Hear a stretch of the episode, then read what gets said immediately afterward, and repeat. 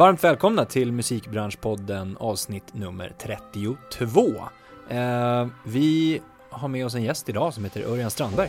Välkommen! Tack. Vi eh, ska prata rättigheter, Ja. upphovsrätt. Ja. Och inte lika dassigt som det låter, eller mossigt som det låter. Nej, skitkul. Ja, och vi ska försöka med det i alla fall, för det, det vi har ju slängt med de här uttrycken i tidigare avsnitt och tidigare gäster. Man pratar mycket upphovsrätt och att det är grunden till musikbranschen, att det är det vi har. Och rättigheter, och vad är det och vems rättigheter och rättighetsöverföring och förvaltning och ja, you name it. Ehm, Så vi tar och reder ut det helt enkelt. Det låter väl bra? Det låter jättebra. Kanon.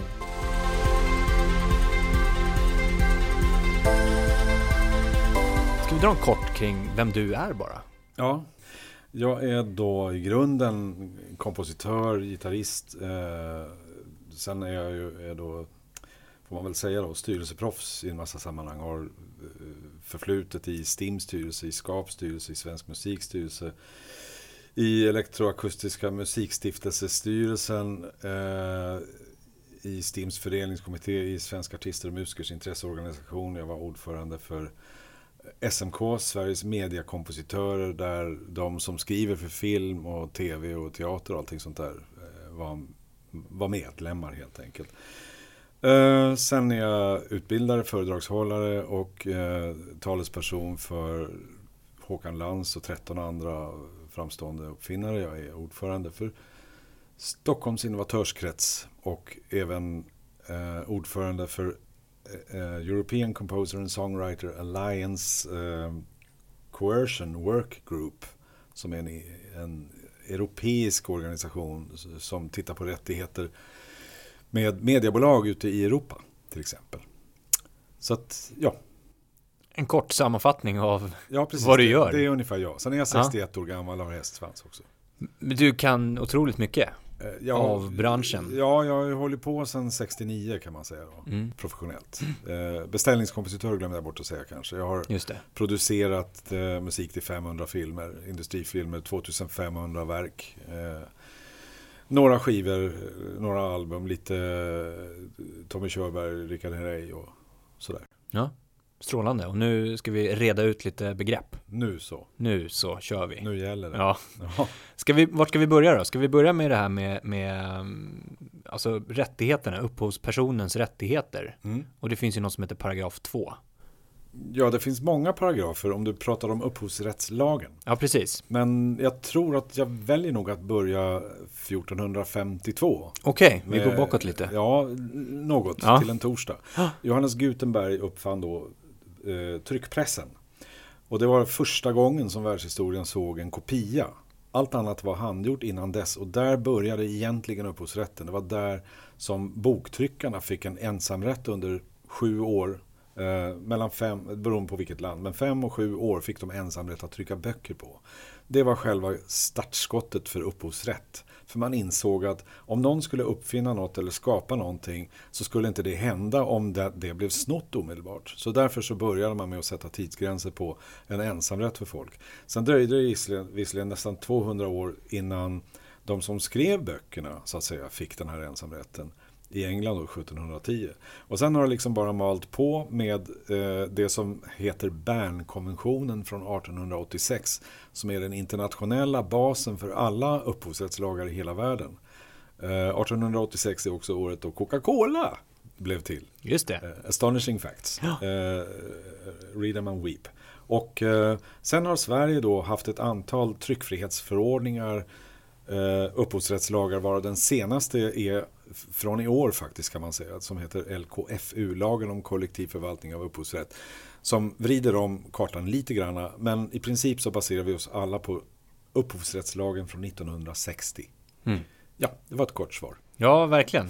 Och, och då som du sa, det är där du vill börja någonstans för, Ja. för att hitta det. Och upphovsrättspersonen, om vi gräver ner oss där då. Ja, då, Ehm, då har vi ju... Vad har man för rättigheter där till exempel? Till att börja med så har man ju tre rättighetshavare i musikbranschen. Mm. Så att den ena, eh, om, vi, om vi håller oss till musikbranschen. För att egentligen så är ju kompositören, tonsättaren, komponisten, eh, låtskrivaren är ju jämställd i upphovsrättslagen med till exempel bildkonstnären, målaren, skulptören, författaren. Mm. Därför att den lagstiftningen den handlar i princip om samma sak. Att den som har skapat ett verk har automatisk ensamrätt att bestämma över det ekonomiska värdet på den. Och även den första utgivningen. Eh, plus att det finns en ideell rätt som vi säkert kommer in på senare. Mm. Eh, men upphovspersonerna, eller rättshavarna i musikbranschen är tre. Så att vid sidan om upphovspersonen så har vi också utövaren, den som kallas för musiker och artist om vi ska eh, hålla oss till musikbranschen då. Mm. De har ju inte skrivit musiken så att säga, eller, eller producerat musiken, utan de framför den. De är en jukebox. Mm. Eh, utan att vara respektlös för det. Men eh, de är mycket duktiga jukeboxar kan Mm. man säga. Och de har ju rättigheter då som konstnärliga utövare, men de har inte gjort musiken. Det går inte att ha en melodifestival med bara artister, man måste ha låtskrivare i backenden så att säga. Mm. Sen har vi den tre- tredje rättshavaren och den, det, det är den som kallas för inspelningsägaren. Och det har ju egentligen inte med konstnärlighet att göra utan det är ju en ekonomisk rätt på det sättet att den som har finansierat en inspelning. Tidigare har varit skivbolag, nu för tiden är det majoriteten eller en större del utav inspelningsägarna är ju antingen indis eller privatpersonerna själva som har Mm. finansierat. Men det är de tre rättshavarna som branschen har. Så upphovsrättspersonen eller upphovspersonen det är den som skapar verket. Den som skapar verket, precis. Ja, och sen så har vi musikerna och artisterna som då, är utövare och de har utövarrättigheter. precis, och sen äger inspelningen som du sa då. Ja, den som den äger inspelningen är den 30, tredje rättighetshavaren då. Mm. Och det är där som blir intressant, att, att själva inspelningen kan ju byta rättighetshavare. Ja, absolut. Och det är där det kan bli lite komplicerat att man, Yes. man inte riktigt förstår att, ja men vänta nu, Nej, vem är det som äger egentligen? Ja, och det är ju där som, eh, om vi kanske kommer att snacka lite grann om streaming on demand och specifikt Spotify då. Så är det så att Spotify i sig har ju två avtal. Det ena har man med STIM om vi pra- bara pratar Sverige. Man har alltså en licens eh, med de som har skrivit musiken och deras förlag. Och där betalar man en årlig summa. Och sen har man individuella avtal med varje inspelningsägare. Alltså varje skivbolag har ett direktavtal med Spotify. Och i de fall då som artister till exempel som har sin egen master vill få upp sina grejer. Då behöver man anlita någon som kan agera skivbolag för att få ett kontrakt med Spotify. Och då finns det ett gäng så kallade aggregatorer. Till exempel Universals Spin-Up då. Eller CD Baby. Det finns ett antal sådana här. Som mot en procentsats eller mot en, en eh, årsavgift eller någonting sånt där. Åtar sig att agera ens skivbolag. Alltså ens inspelningsägare kan man säga. Bra! Då Ja. har vi liksom rätt ut de rollerna. Jättebra har vi Bra, då har vi en jättetydlig roll på det, eh, bild på Ja. det. Vi går in på mer eh, termerna Ja, och terminologin. Vad, vad finns det för olika? Till exempel mekanisering ja. är ju ett va- vanligt förekommande. Ja, precis. Det är, om vi tar STIM då, som är den, den stora organisationen, alltså sett till pengar, för de tar, de tar ju in 1,8 miljarder. Eh, och jämfört med Sami då, som tar in en tiondel av det kan man säga. Så, Ska vi stanna bara där, tar in. Ja, Den kan vi bara ja just det. bena ut jättekort ja, sådär. ja, precis. Vad betyder det? Eh, jo, STIM alltså inkasserar från musikanvändare. Media, TV, 42 000 privat, eh, privata företag. Alltså allt från Hennes och Maurits till frisersalonger, gallerier och allt vad det är för någonting. Får de in, och festivaler, får de in 1,8 miljarder per år. Mm. Och även från utlandet naturligtvis då, att fördela. Sami får in en tiondel, 200 miljoner ungefär. På motsvarande, från motsvarande ställen. När det gäller terminologi, när vi pratar om till exempel STIM då, så har de i princip fyra rättigheter kan man säga. Det ena är utförande slash framförande rättigheter. Det andra är mekaniseringsrättigheter. Eh, Det tredje är synkroniseringsrättigheter och det fjärde är överföring till allmänheten. Mm. Så tar jag det från början då så utförande, framförande kan beskrivas som den vara som uppstår när den kan lyssnas på. När musik konsumeras eh, ljudande från festival eller ur radio, tv eller ur media då är det STIMs domän, då är det ett utförande, ett framförande som äger rum. när musik säljs i form av filer till exempel, som i sig, det, jag menar det låter inte om en datasträng i sig. Det låter när man processar den genom en, en dator eller en, en eh, smartphone. Så att säljs det filer eller säljs det vinyler eller säljs det CDs eller dataspelsenheter som innehåller musik, då är det mekaniska rättigheter. Alltså det är, man, kan, man pratar om mångfaldigande och mekanisering eller kopiering om man vill kopior utav musik. Mm. Men det är inte den ljudande musiken man tar betalt för utan det är enheten som innehåller musik. Och det är väl eh, ursprungligen från liksom det fysiska Ja, det man pratar om de, de fysiska exemplaren som mm. ju, alltså före, vad ska vi säga, 95 med internets genombrott.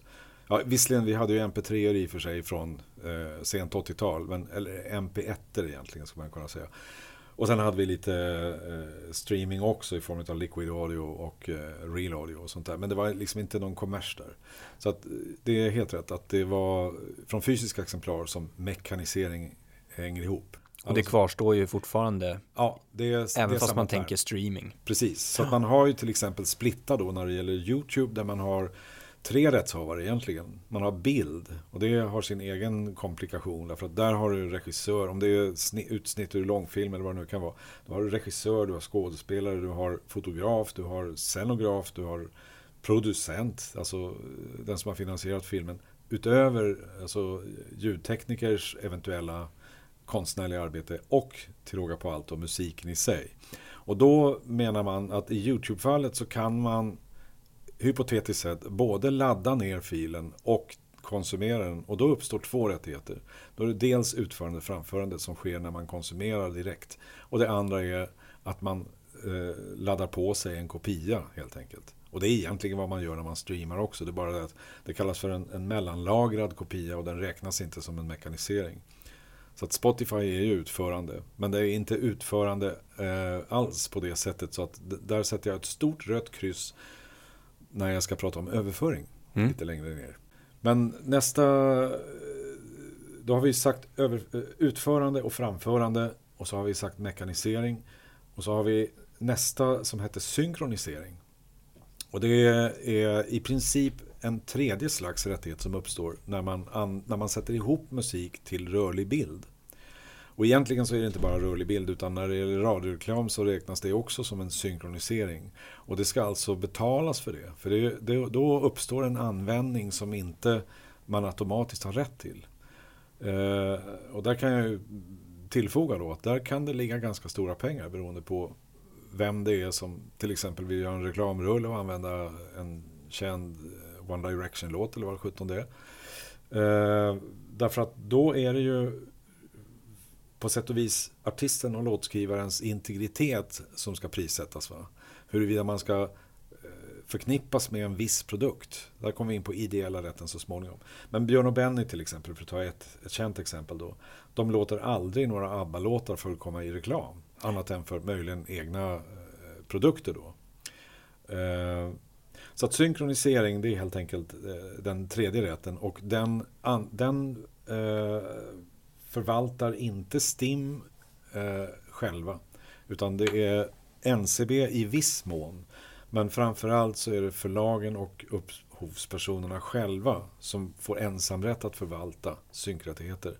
Därför att STIM och NCB har helt enkelt inga förhandlare. Det här är en individuell förhandling man gör. Frågor på det? Nej, inte än. Och den fjärde? Ja, den fjärde är då överföring till allmänheten. Och mm. det här är en ny rättighet därför att eh, och här måste jag bli lite komplicerad. Mm. Om vi tar Spotify så är ju Spotify inte offentlig spelning. Om vi bortser från Spotify Business där ju många kunder samtidigt kan höra samma låt. Exakt. Utan Spotify Premium till exempel, det är per avtal med Spotify eh, individuellt konto där en person, möjligen två eller tre eller familjen i sig, alltså sluten krets, lyssnar på en och samma låt. Det är inte så att hela riket av en, av en märklig slump råkar lyssna på samma, exakt samma playlist samtidigt. Utan Spotify är som annan streaming on demand en överföring eh, till allmänheten. Det vill säga musiken finns tillgängliggjord i din dator men du väljer själv i vilket ögonblick du vill lyssna på vad. Och då kan inte STIM ta betalt som om det vore framförande utförande. offentligt framförande, offentligt utförande. Som till exempel radio är. Mm. För då hoppar man liksom in, eller, eller internetradio. Då hoppar man in i ett flöde utav musik som många lyssnar på samtidigt. Spotify, det är individuellt. Och för att kunna ta betalt alls för det så, så tillhandahåller alltså STIM en licens för Spotify att kunna få använda repertoaren till sin affärsidé. Och för att kunna eh, skydda det här i lag så heter det då överföring till allmänheten. Där allmänheten får tillgång till STIMs hela repertoar men individuellt kan välja när man vill lyssna på den. Just det. Och då kan man ju börja fundera på sådär, vem är det som betalar för det egentligen? Så var kommer pengarna ifrån? Det känns ju när man bara pratar om STIM så bara uppstår det pengar eller man pratar om eh, överföring så bara uppstår det pengar och insamling av pengar. Vem är det i grund och botten som betalar för respektive Ja, det är Stims VD alltså som spekulerar hårt i ryska eh, högriskaktier Ja, och precis. eh, har bitcoin-tryckeri i källaren. Nej, där ljuger jag. Utan ytterst all, allting eh, som de här rättshavarna, de här tre rättshavarna får in måste komma ytterst från privat konsument. Exakt. Och det gör det ju på olika sätt. Om vi pratar Energy, Rix FM, Bandit och reklamradio. Pratar vi TV3, TV4, TV5 och uppåt så är det ju reklamfinansierade plattformar som alltså annonsörerna betalar helt och hållet. Men de betalar ju på basis utav tittar och lyssnarsiffror. Mm. Så att ju färre täckning en av de här kanalerna har desto taskigare med pengar har de helt enkelt.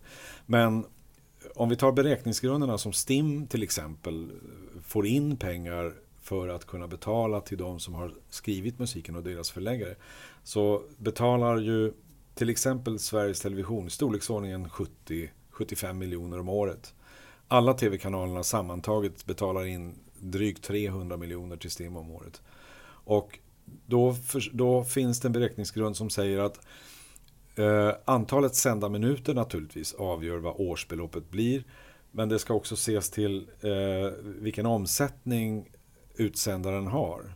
Så att, eh, och där kompliceras saker och ting lite grann av att TV3, TV3 till exempel eh, har sin, eh, sitt huvudkontor, de har sitt säte i England.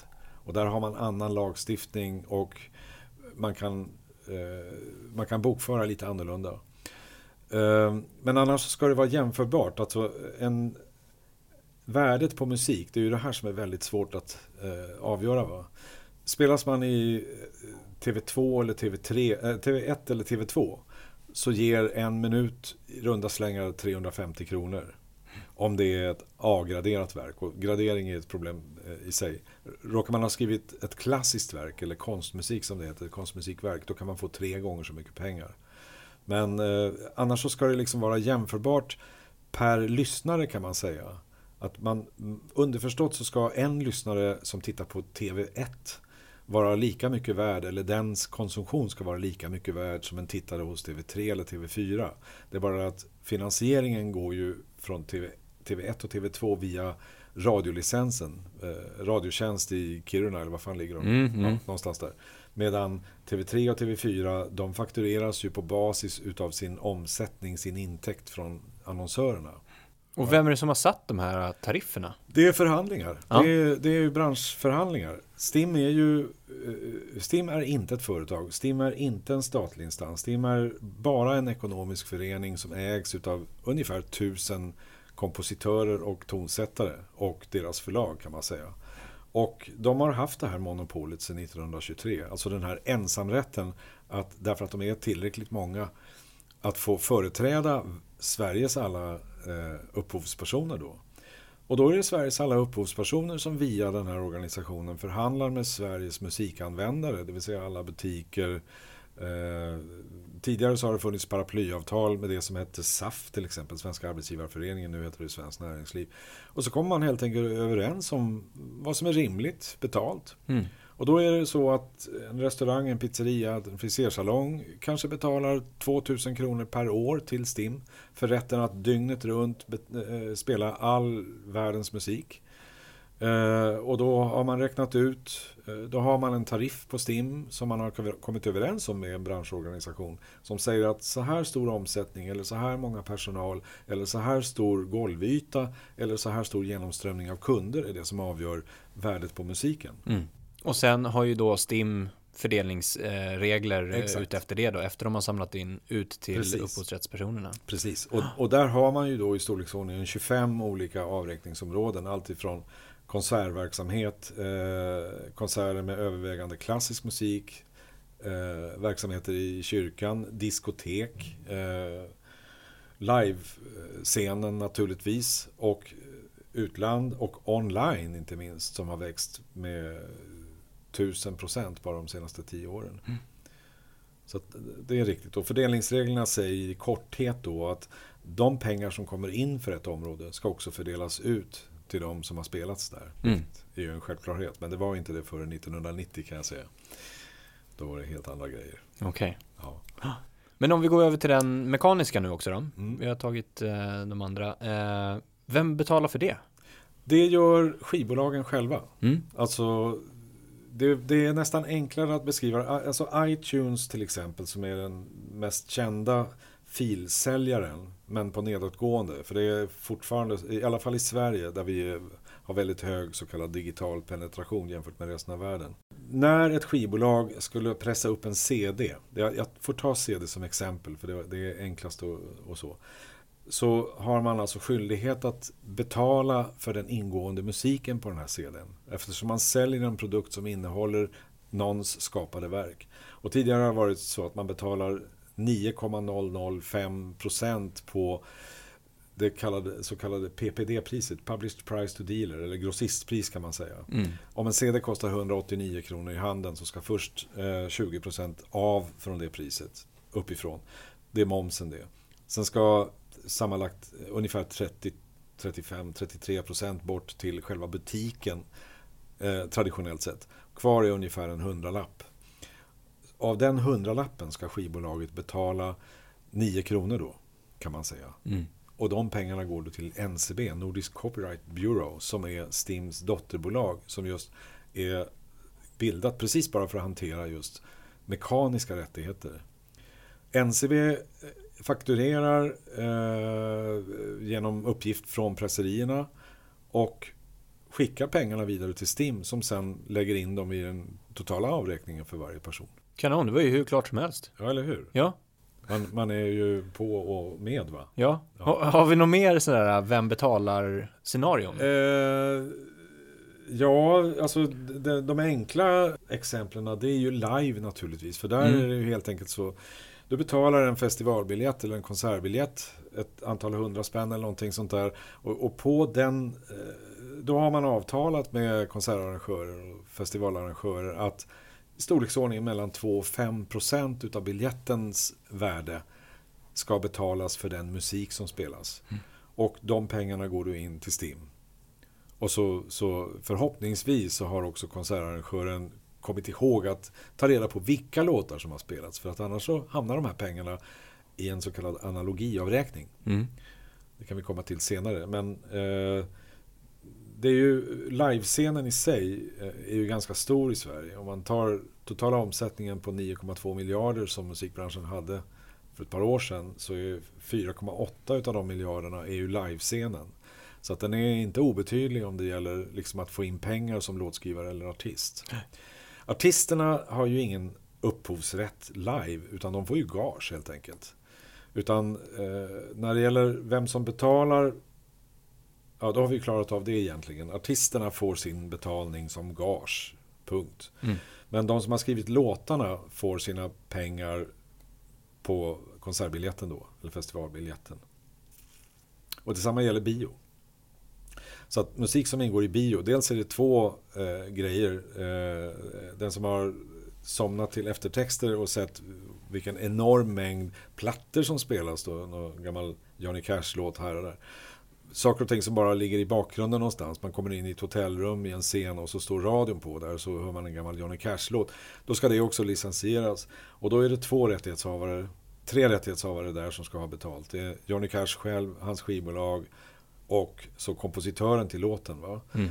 Och eh, då finns det så kallade Q-sheets som filmbolaget har skyldighet att skicka till STIM i och för sig. Och sen är det biografägaren eller biografkedjan som ska tala om hur många besök som har sett den här filmen. Och så är det samma sak där som med festivalbiljetten. 2-5% som ska gå till STIM.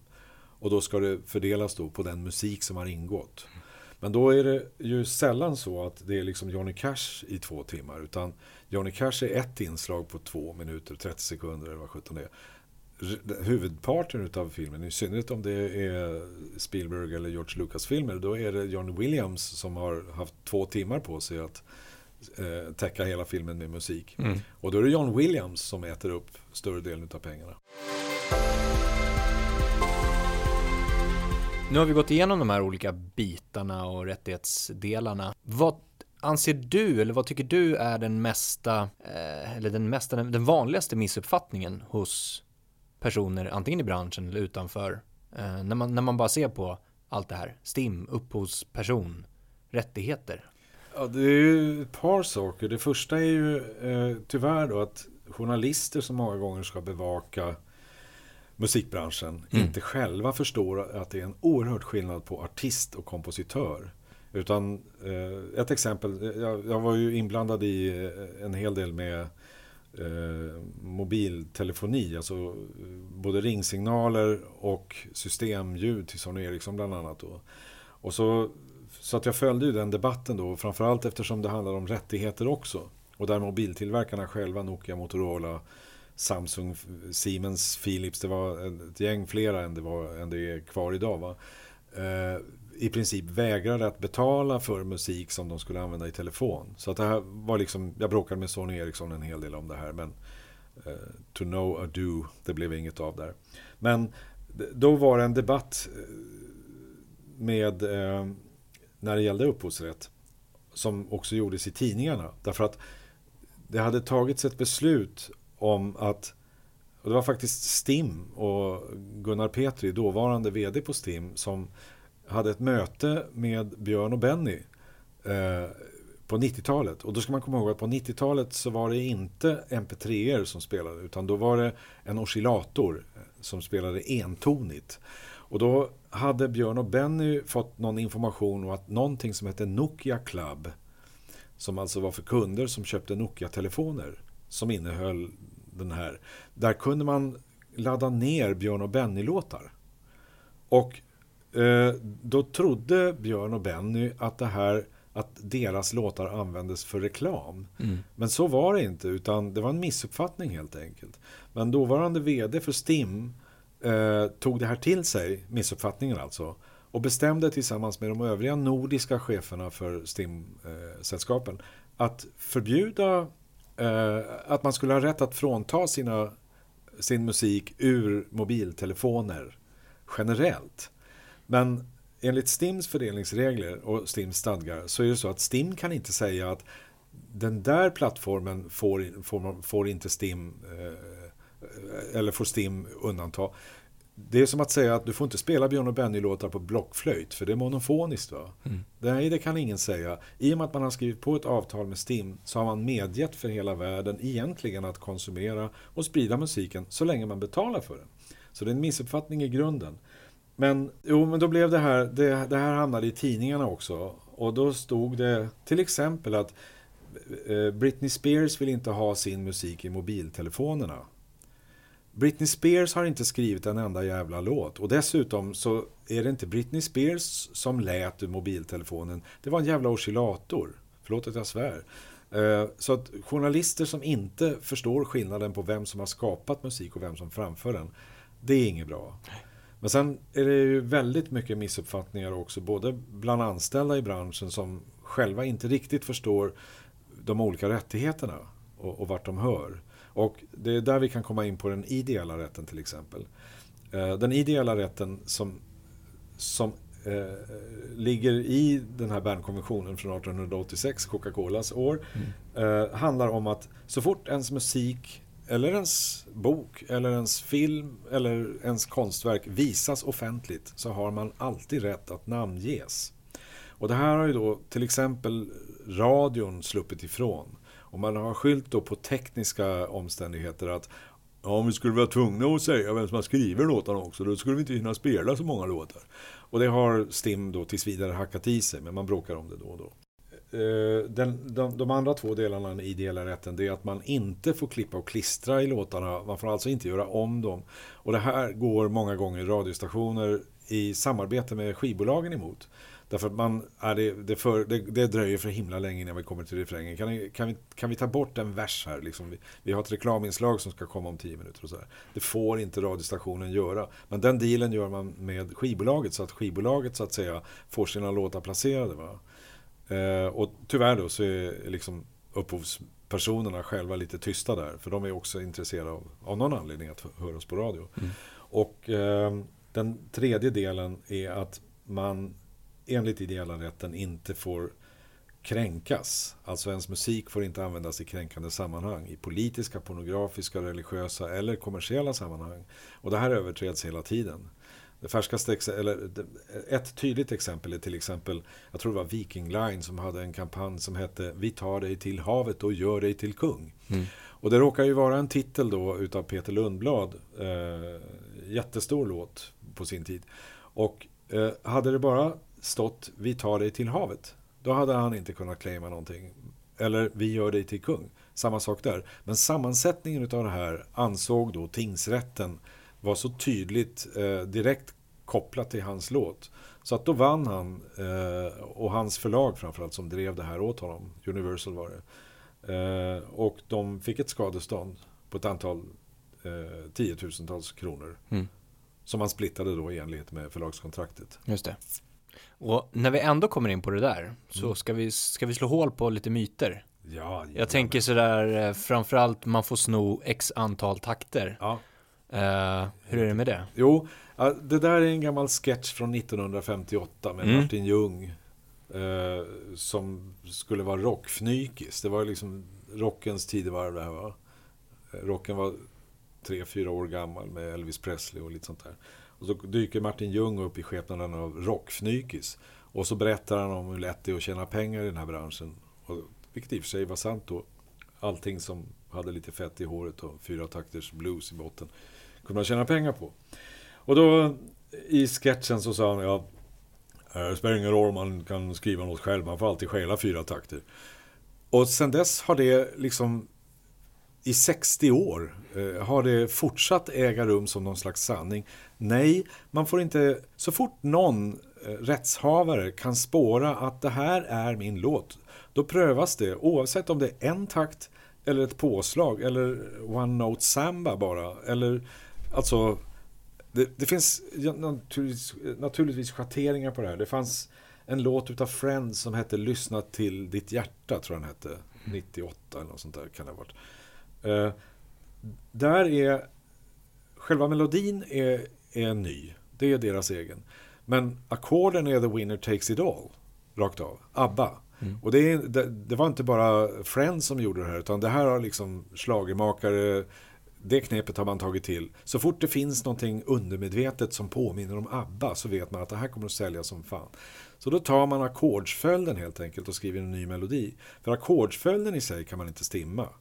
Det är ackordsföljden plus melodin plus rytmiken. Det är de tre komponenterna som STIM och tingsrätter och annat kan avgöra huruvida det är unikt eller inte.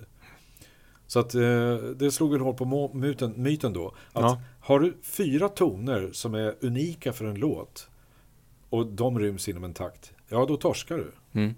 Rättsligt. Nu lämnar vi myten, men, men jag tänkte på det här, någonting som har dykt upp eh, väldigt många gånger när jag pratar med, med personer, dels låtskrivare men även artister, är det här med producent. Mm. Som, det känns som att det är en, en tredje part i det hela på något sätt. Ja. Eh, det är inte en musiker, det är inte en låtskrivare, men det är en part. Ja. Ska vi reda ut det? Ja, det där ställer till det lite grann. Eh, därför att vi har ju pratat lite rättssystem här. Vi har pratat Sami som förvaltar rättigheter för artister och musiker, det vill säga utövare. Inspelningsrättigheter eh, är ju IFPI, alltså eh, IFPI Sverige, International Federation of Phonographic Industries. Det är skivbolagen och eh, alla som har ett ISRC-nummer, alltså som äger en inspelning. Va? När vi kommer till den som har gjort låten, det är där det börjar uppstå problem. Därför att sitter man med Logic eller Cubase eller Pro Tools eller något annat verktyg, då är man i många fall, alltså åtminstone tre samtidiga roller. Man är, kan man säga, kompositör. Det är bara det att de som jobbar med klubbmusik, de känner inte igen det begreppet. De kallar sig inte för kompositörer, de kallar sig för producenter. Mm. Men man, STIM registrerar inga producenter.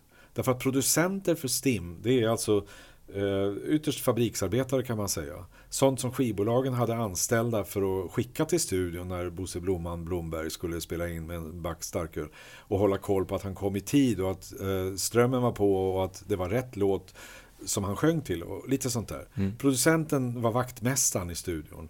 Eller också på George Martin-tiden då, den som rattade och eh, vred upp bakelitratten så att volymen gick ner i graveringsverket korrekt och så. Vita rockar. Uh, I modern tid, med, med huvudsak klubbmusiken, house och hiphop, så har hela den där rollbesättningen förändrats radikalt. Så där har vi nu Istället för kompositörer så har vi producenter och top-line writers till exempel. Mm. En top-line är en melodi. Och det är bara det att i klubbsammanhang så har den traditionen att producera fördelar sig uppåt 15 olika personer, eller 15 olika rättshavare ska jag säga. Kanske 6-7 personer som så att säga har klippt och klistrat ihop beatset eller breaksen och utöver det så har man kanske fem personer som har gjort var, var sin topline som ligger inne i det här. Va? Och var och en av de här ska ha någon slags rättighet.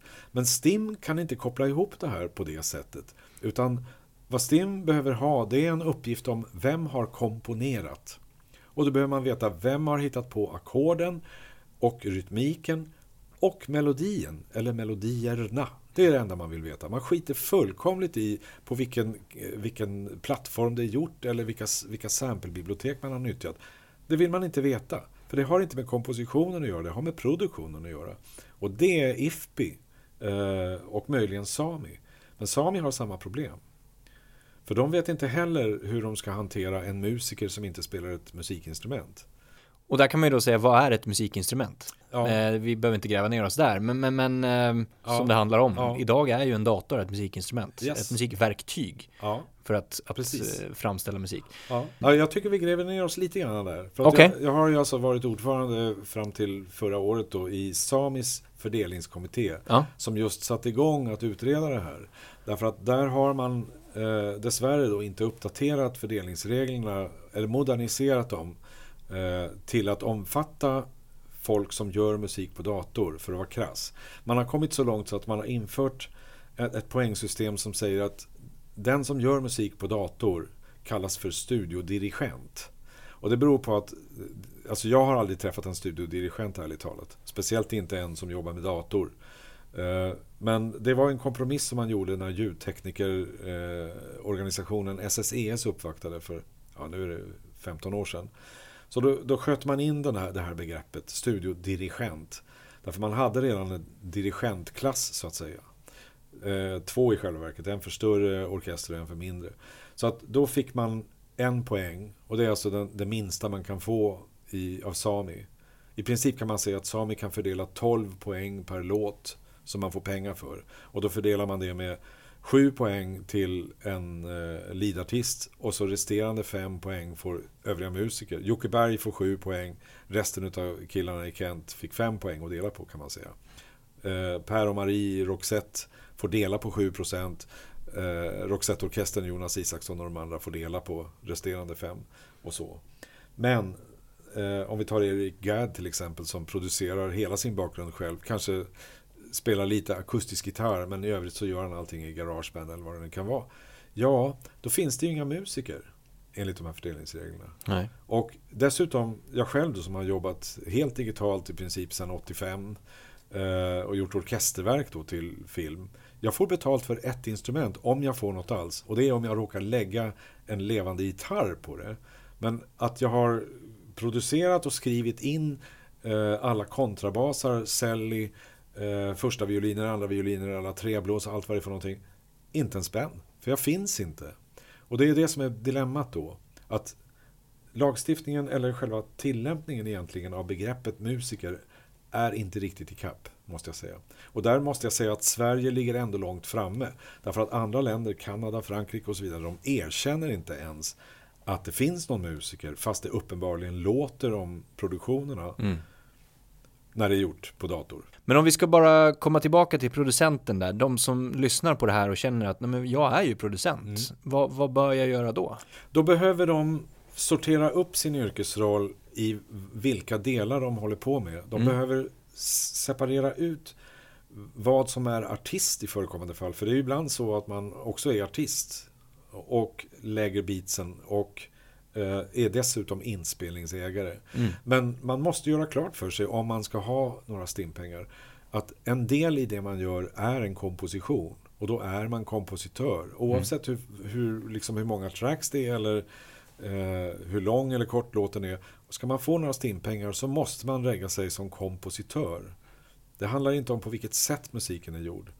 Det här är lite komplicerat också av en annan anledning. Det är att ju fler som kan göra musik, desto fler blir det ju också som ska dela på de här småsmulorna som framförallt kommer ut ur streaming. För det är mm. väldigt dåliga pengar där. Och eh, ännu sämre pengar är det från YouTube än så länge. Eh, och jag ska inte ha någon åsikt egentligen eh, om kvaliteten på kompositionerna. Därför att det var lika illa liksom på 1910-talet när blues var liksom den stora grejen. Alla, alla blueslåtar i princip utgår från samma tre ackord. Och det är utövaren, alltså artisten och texten möjligen som särskiljer det ena från det andra. Va? Så att på samma sätt är det i house-området, på house-scenen.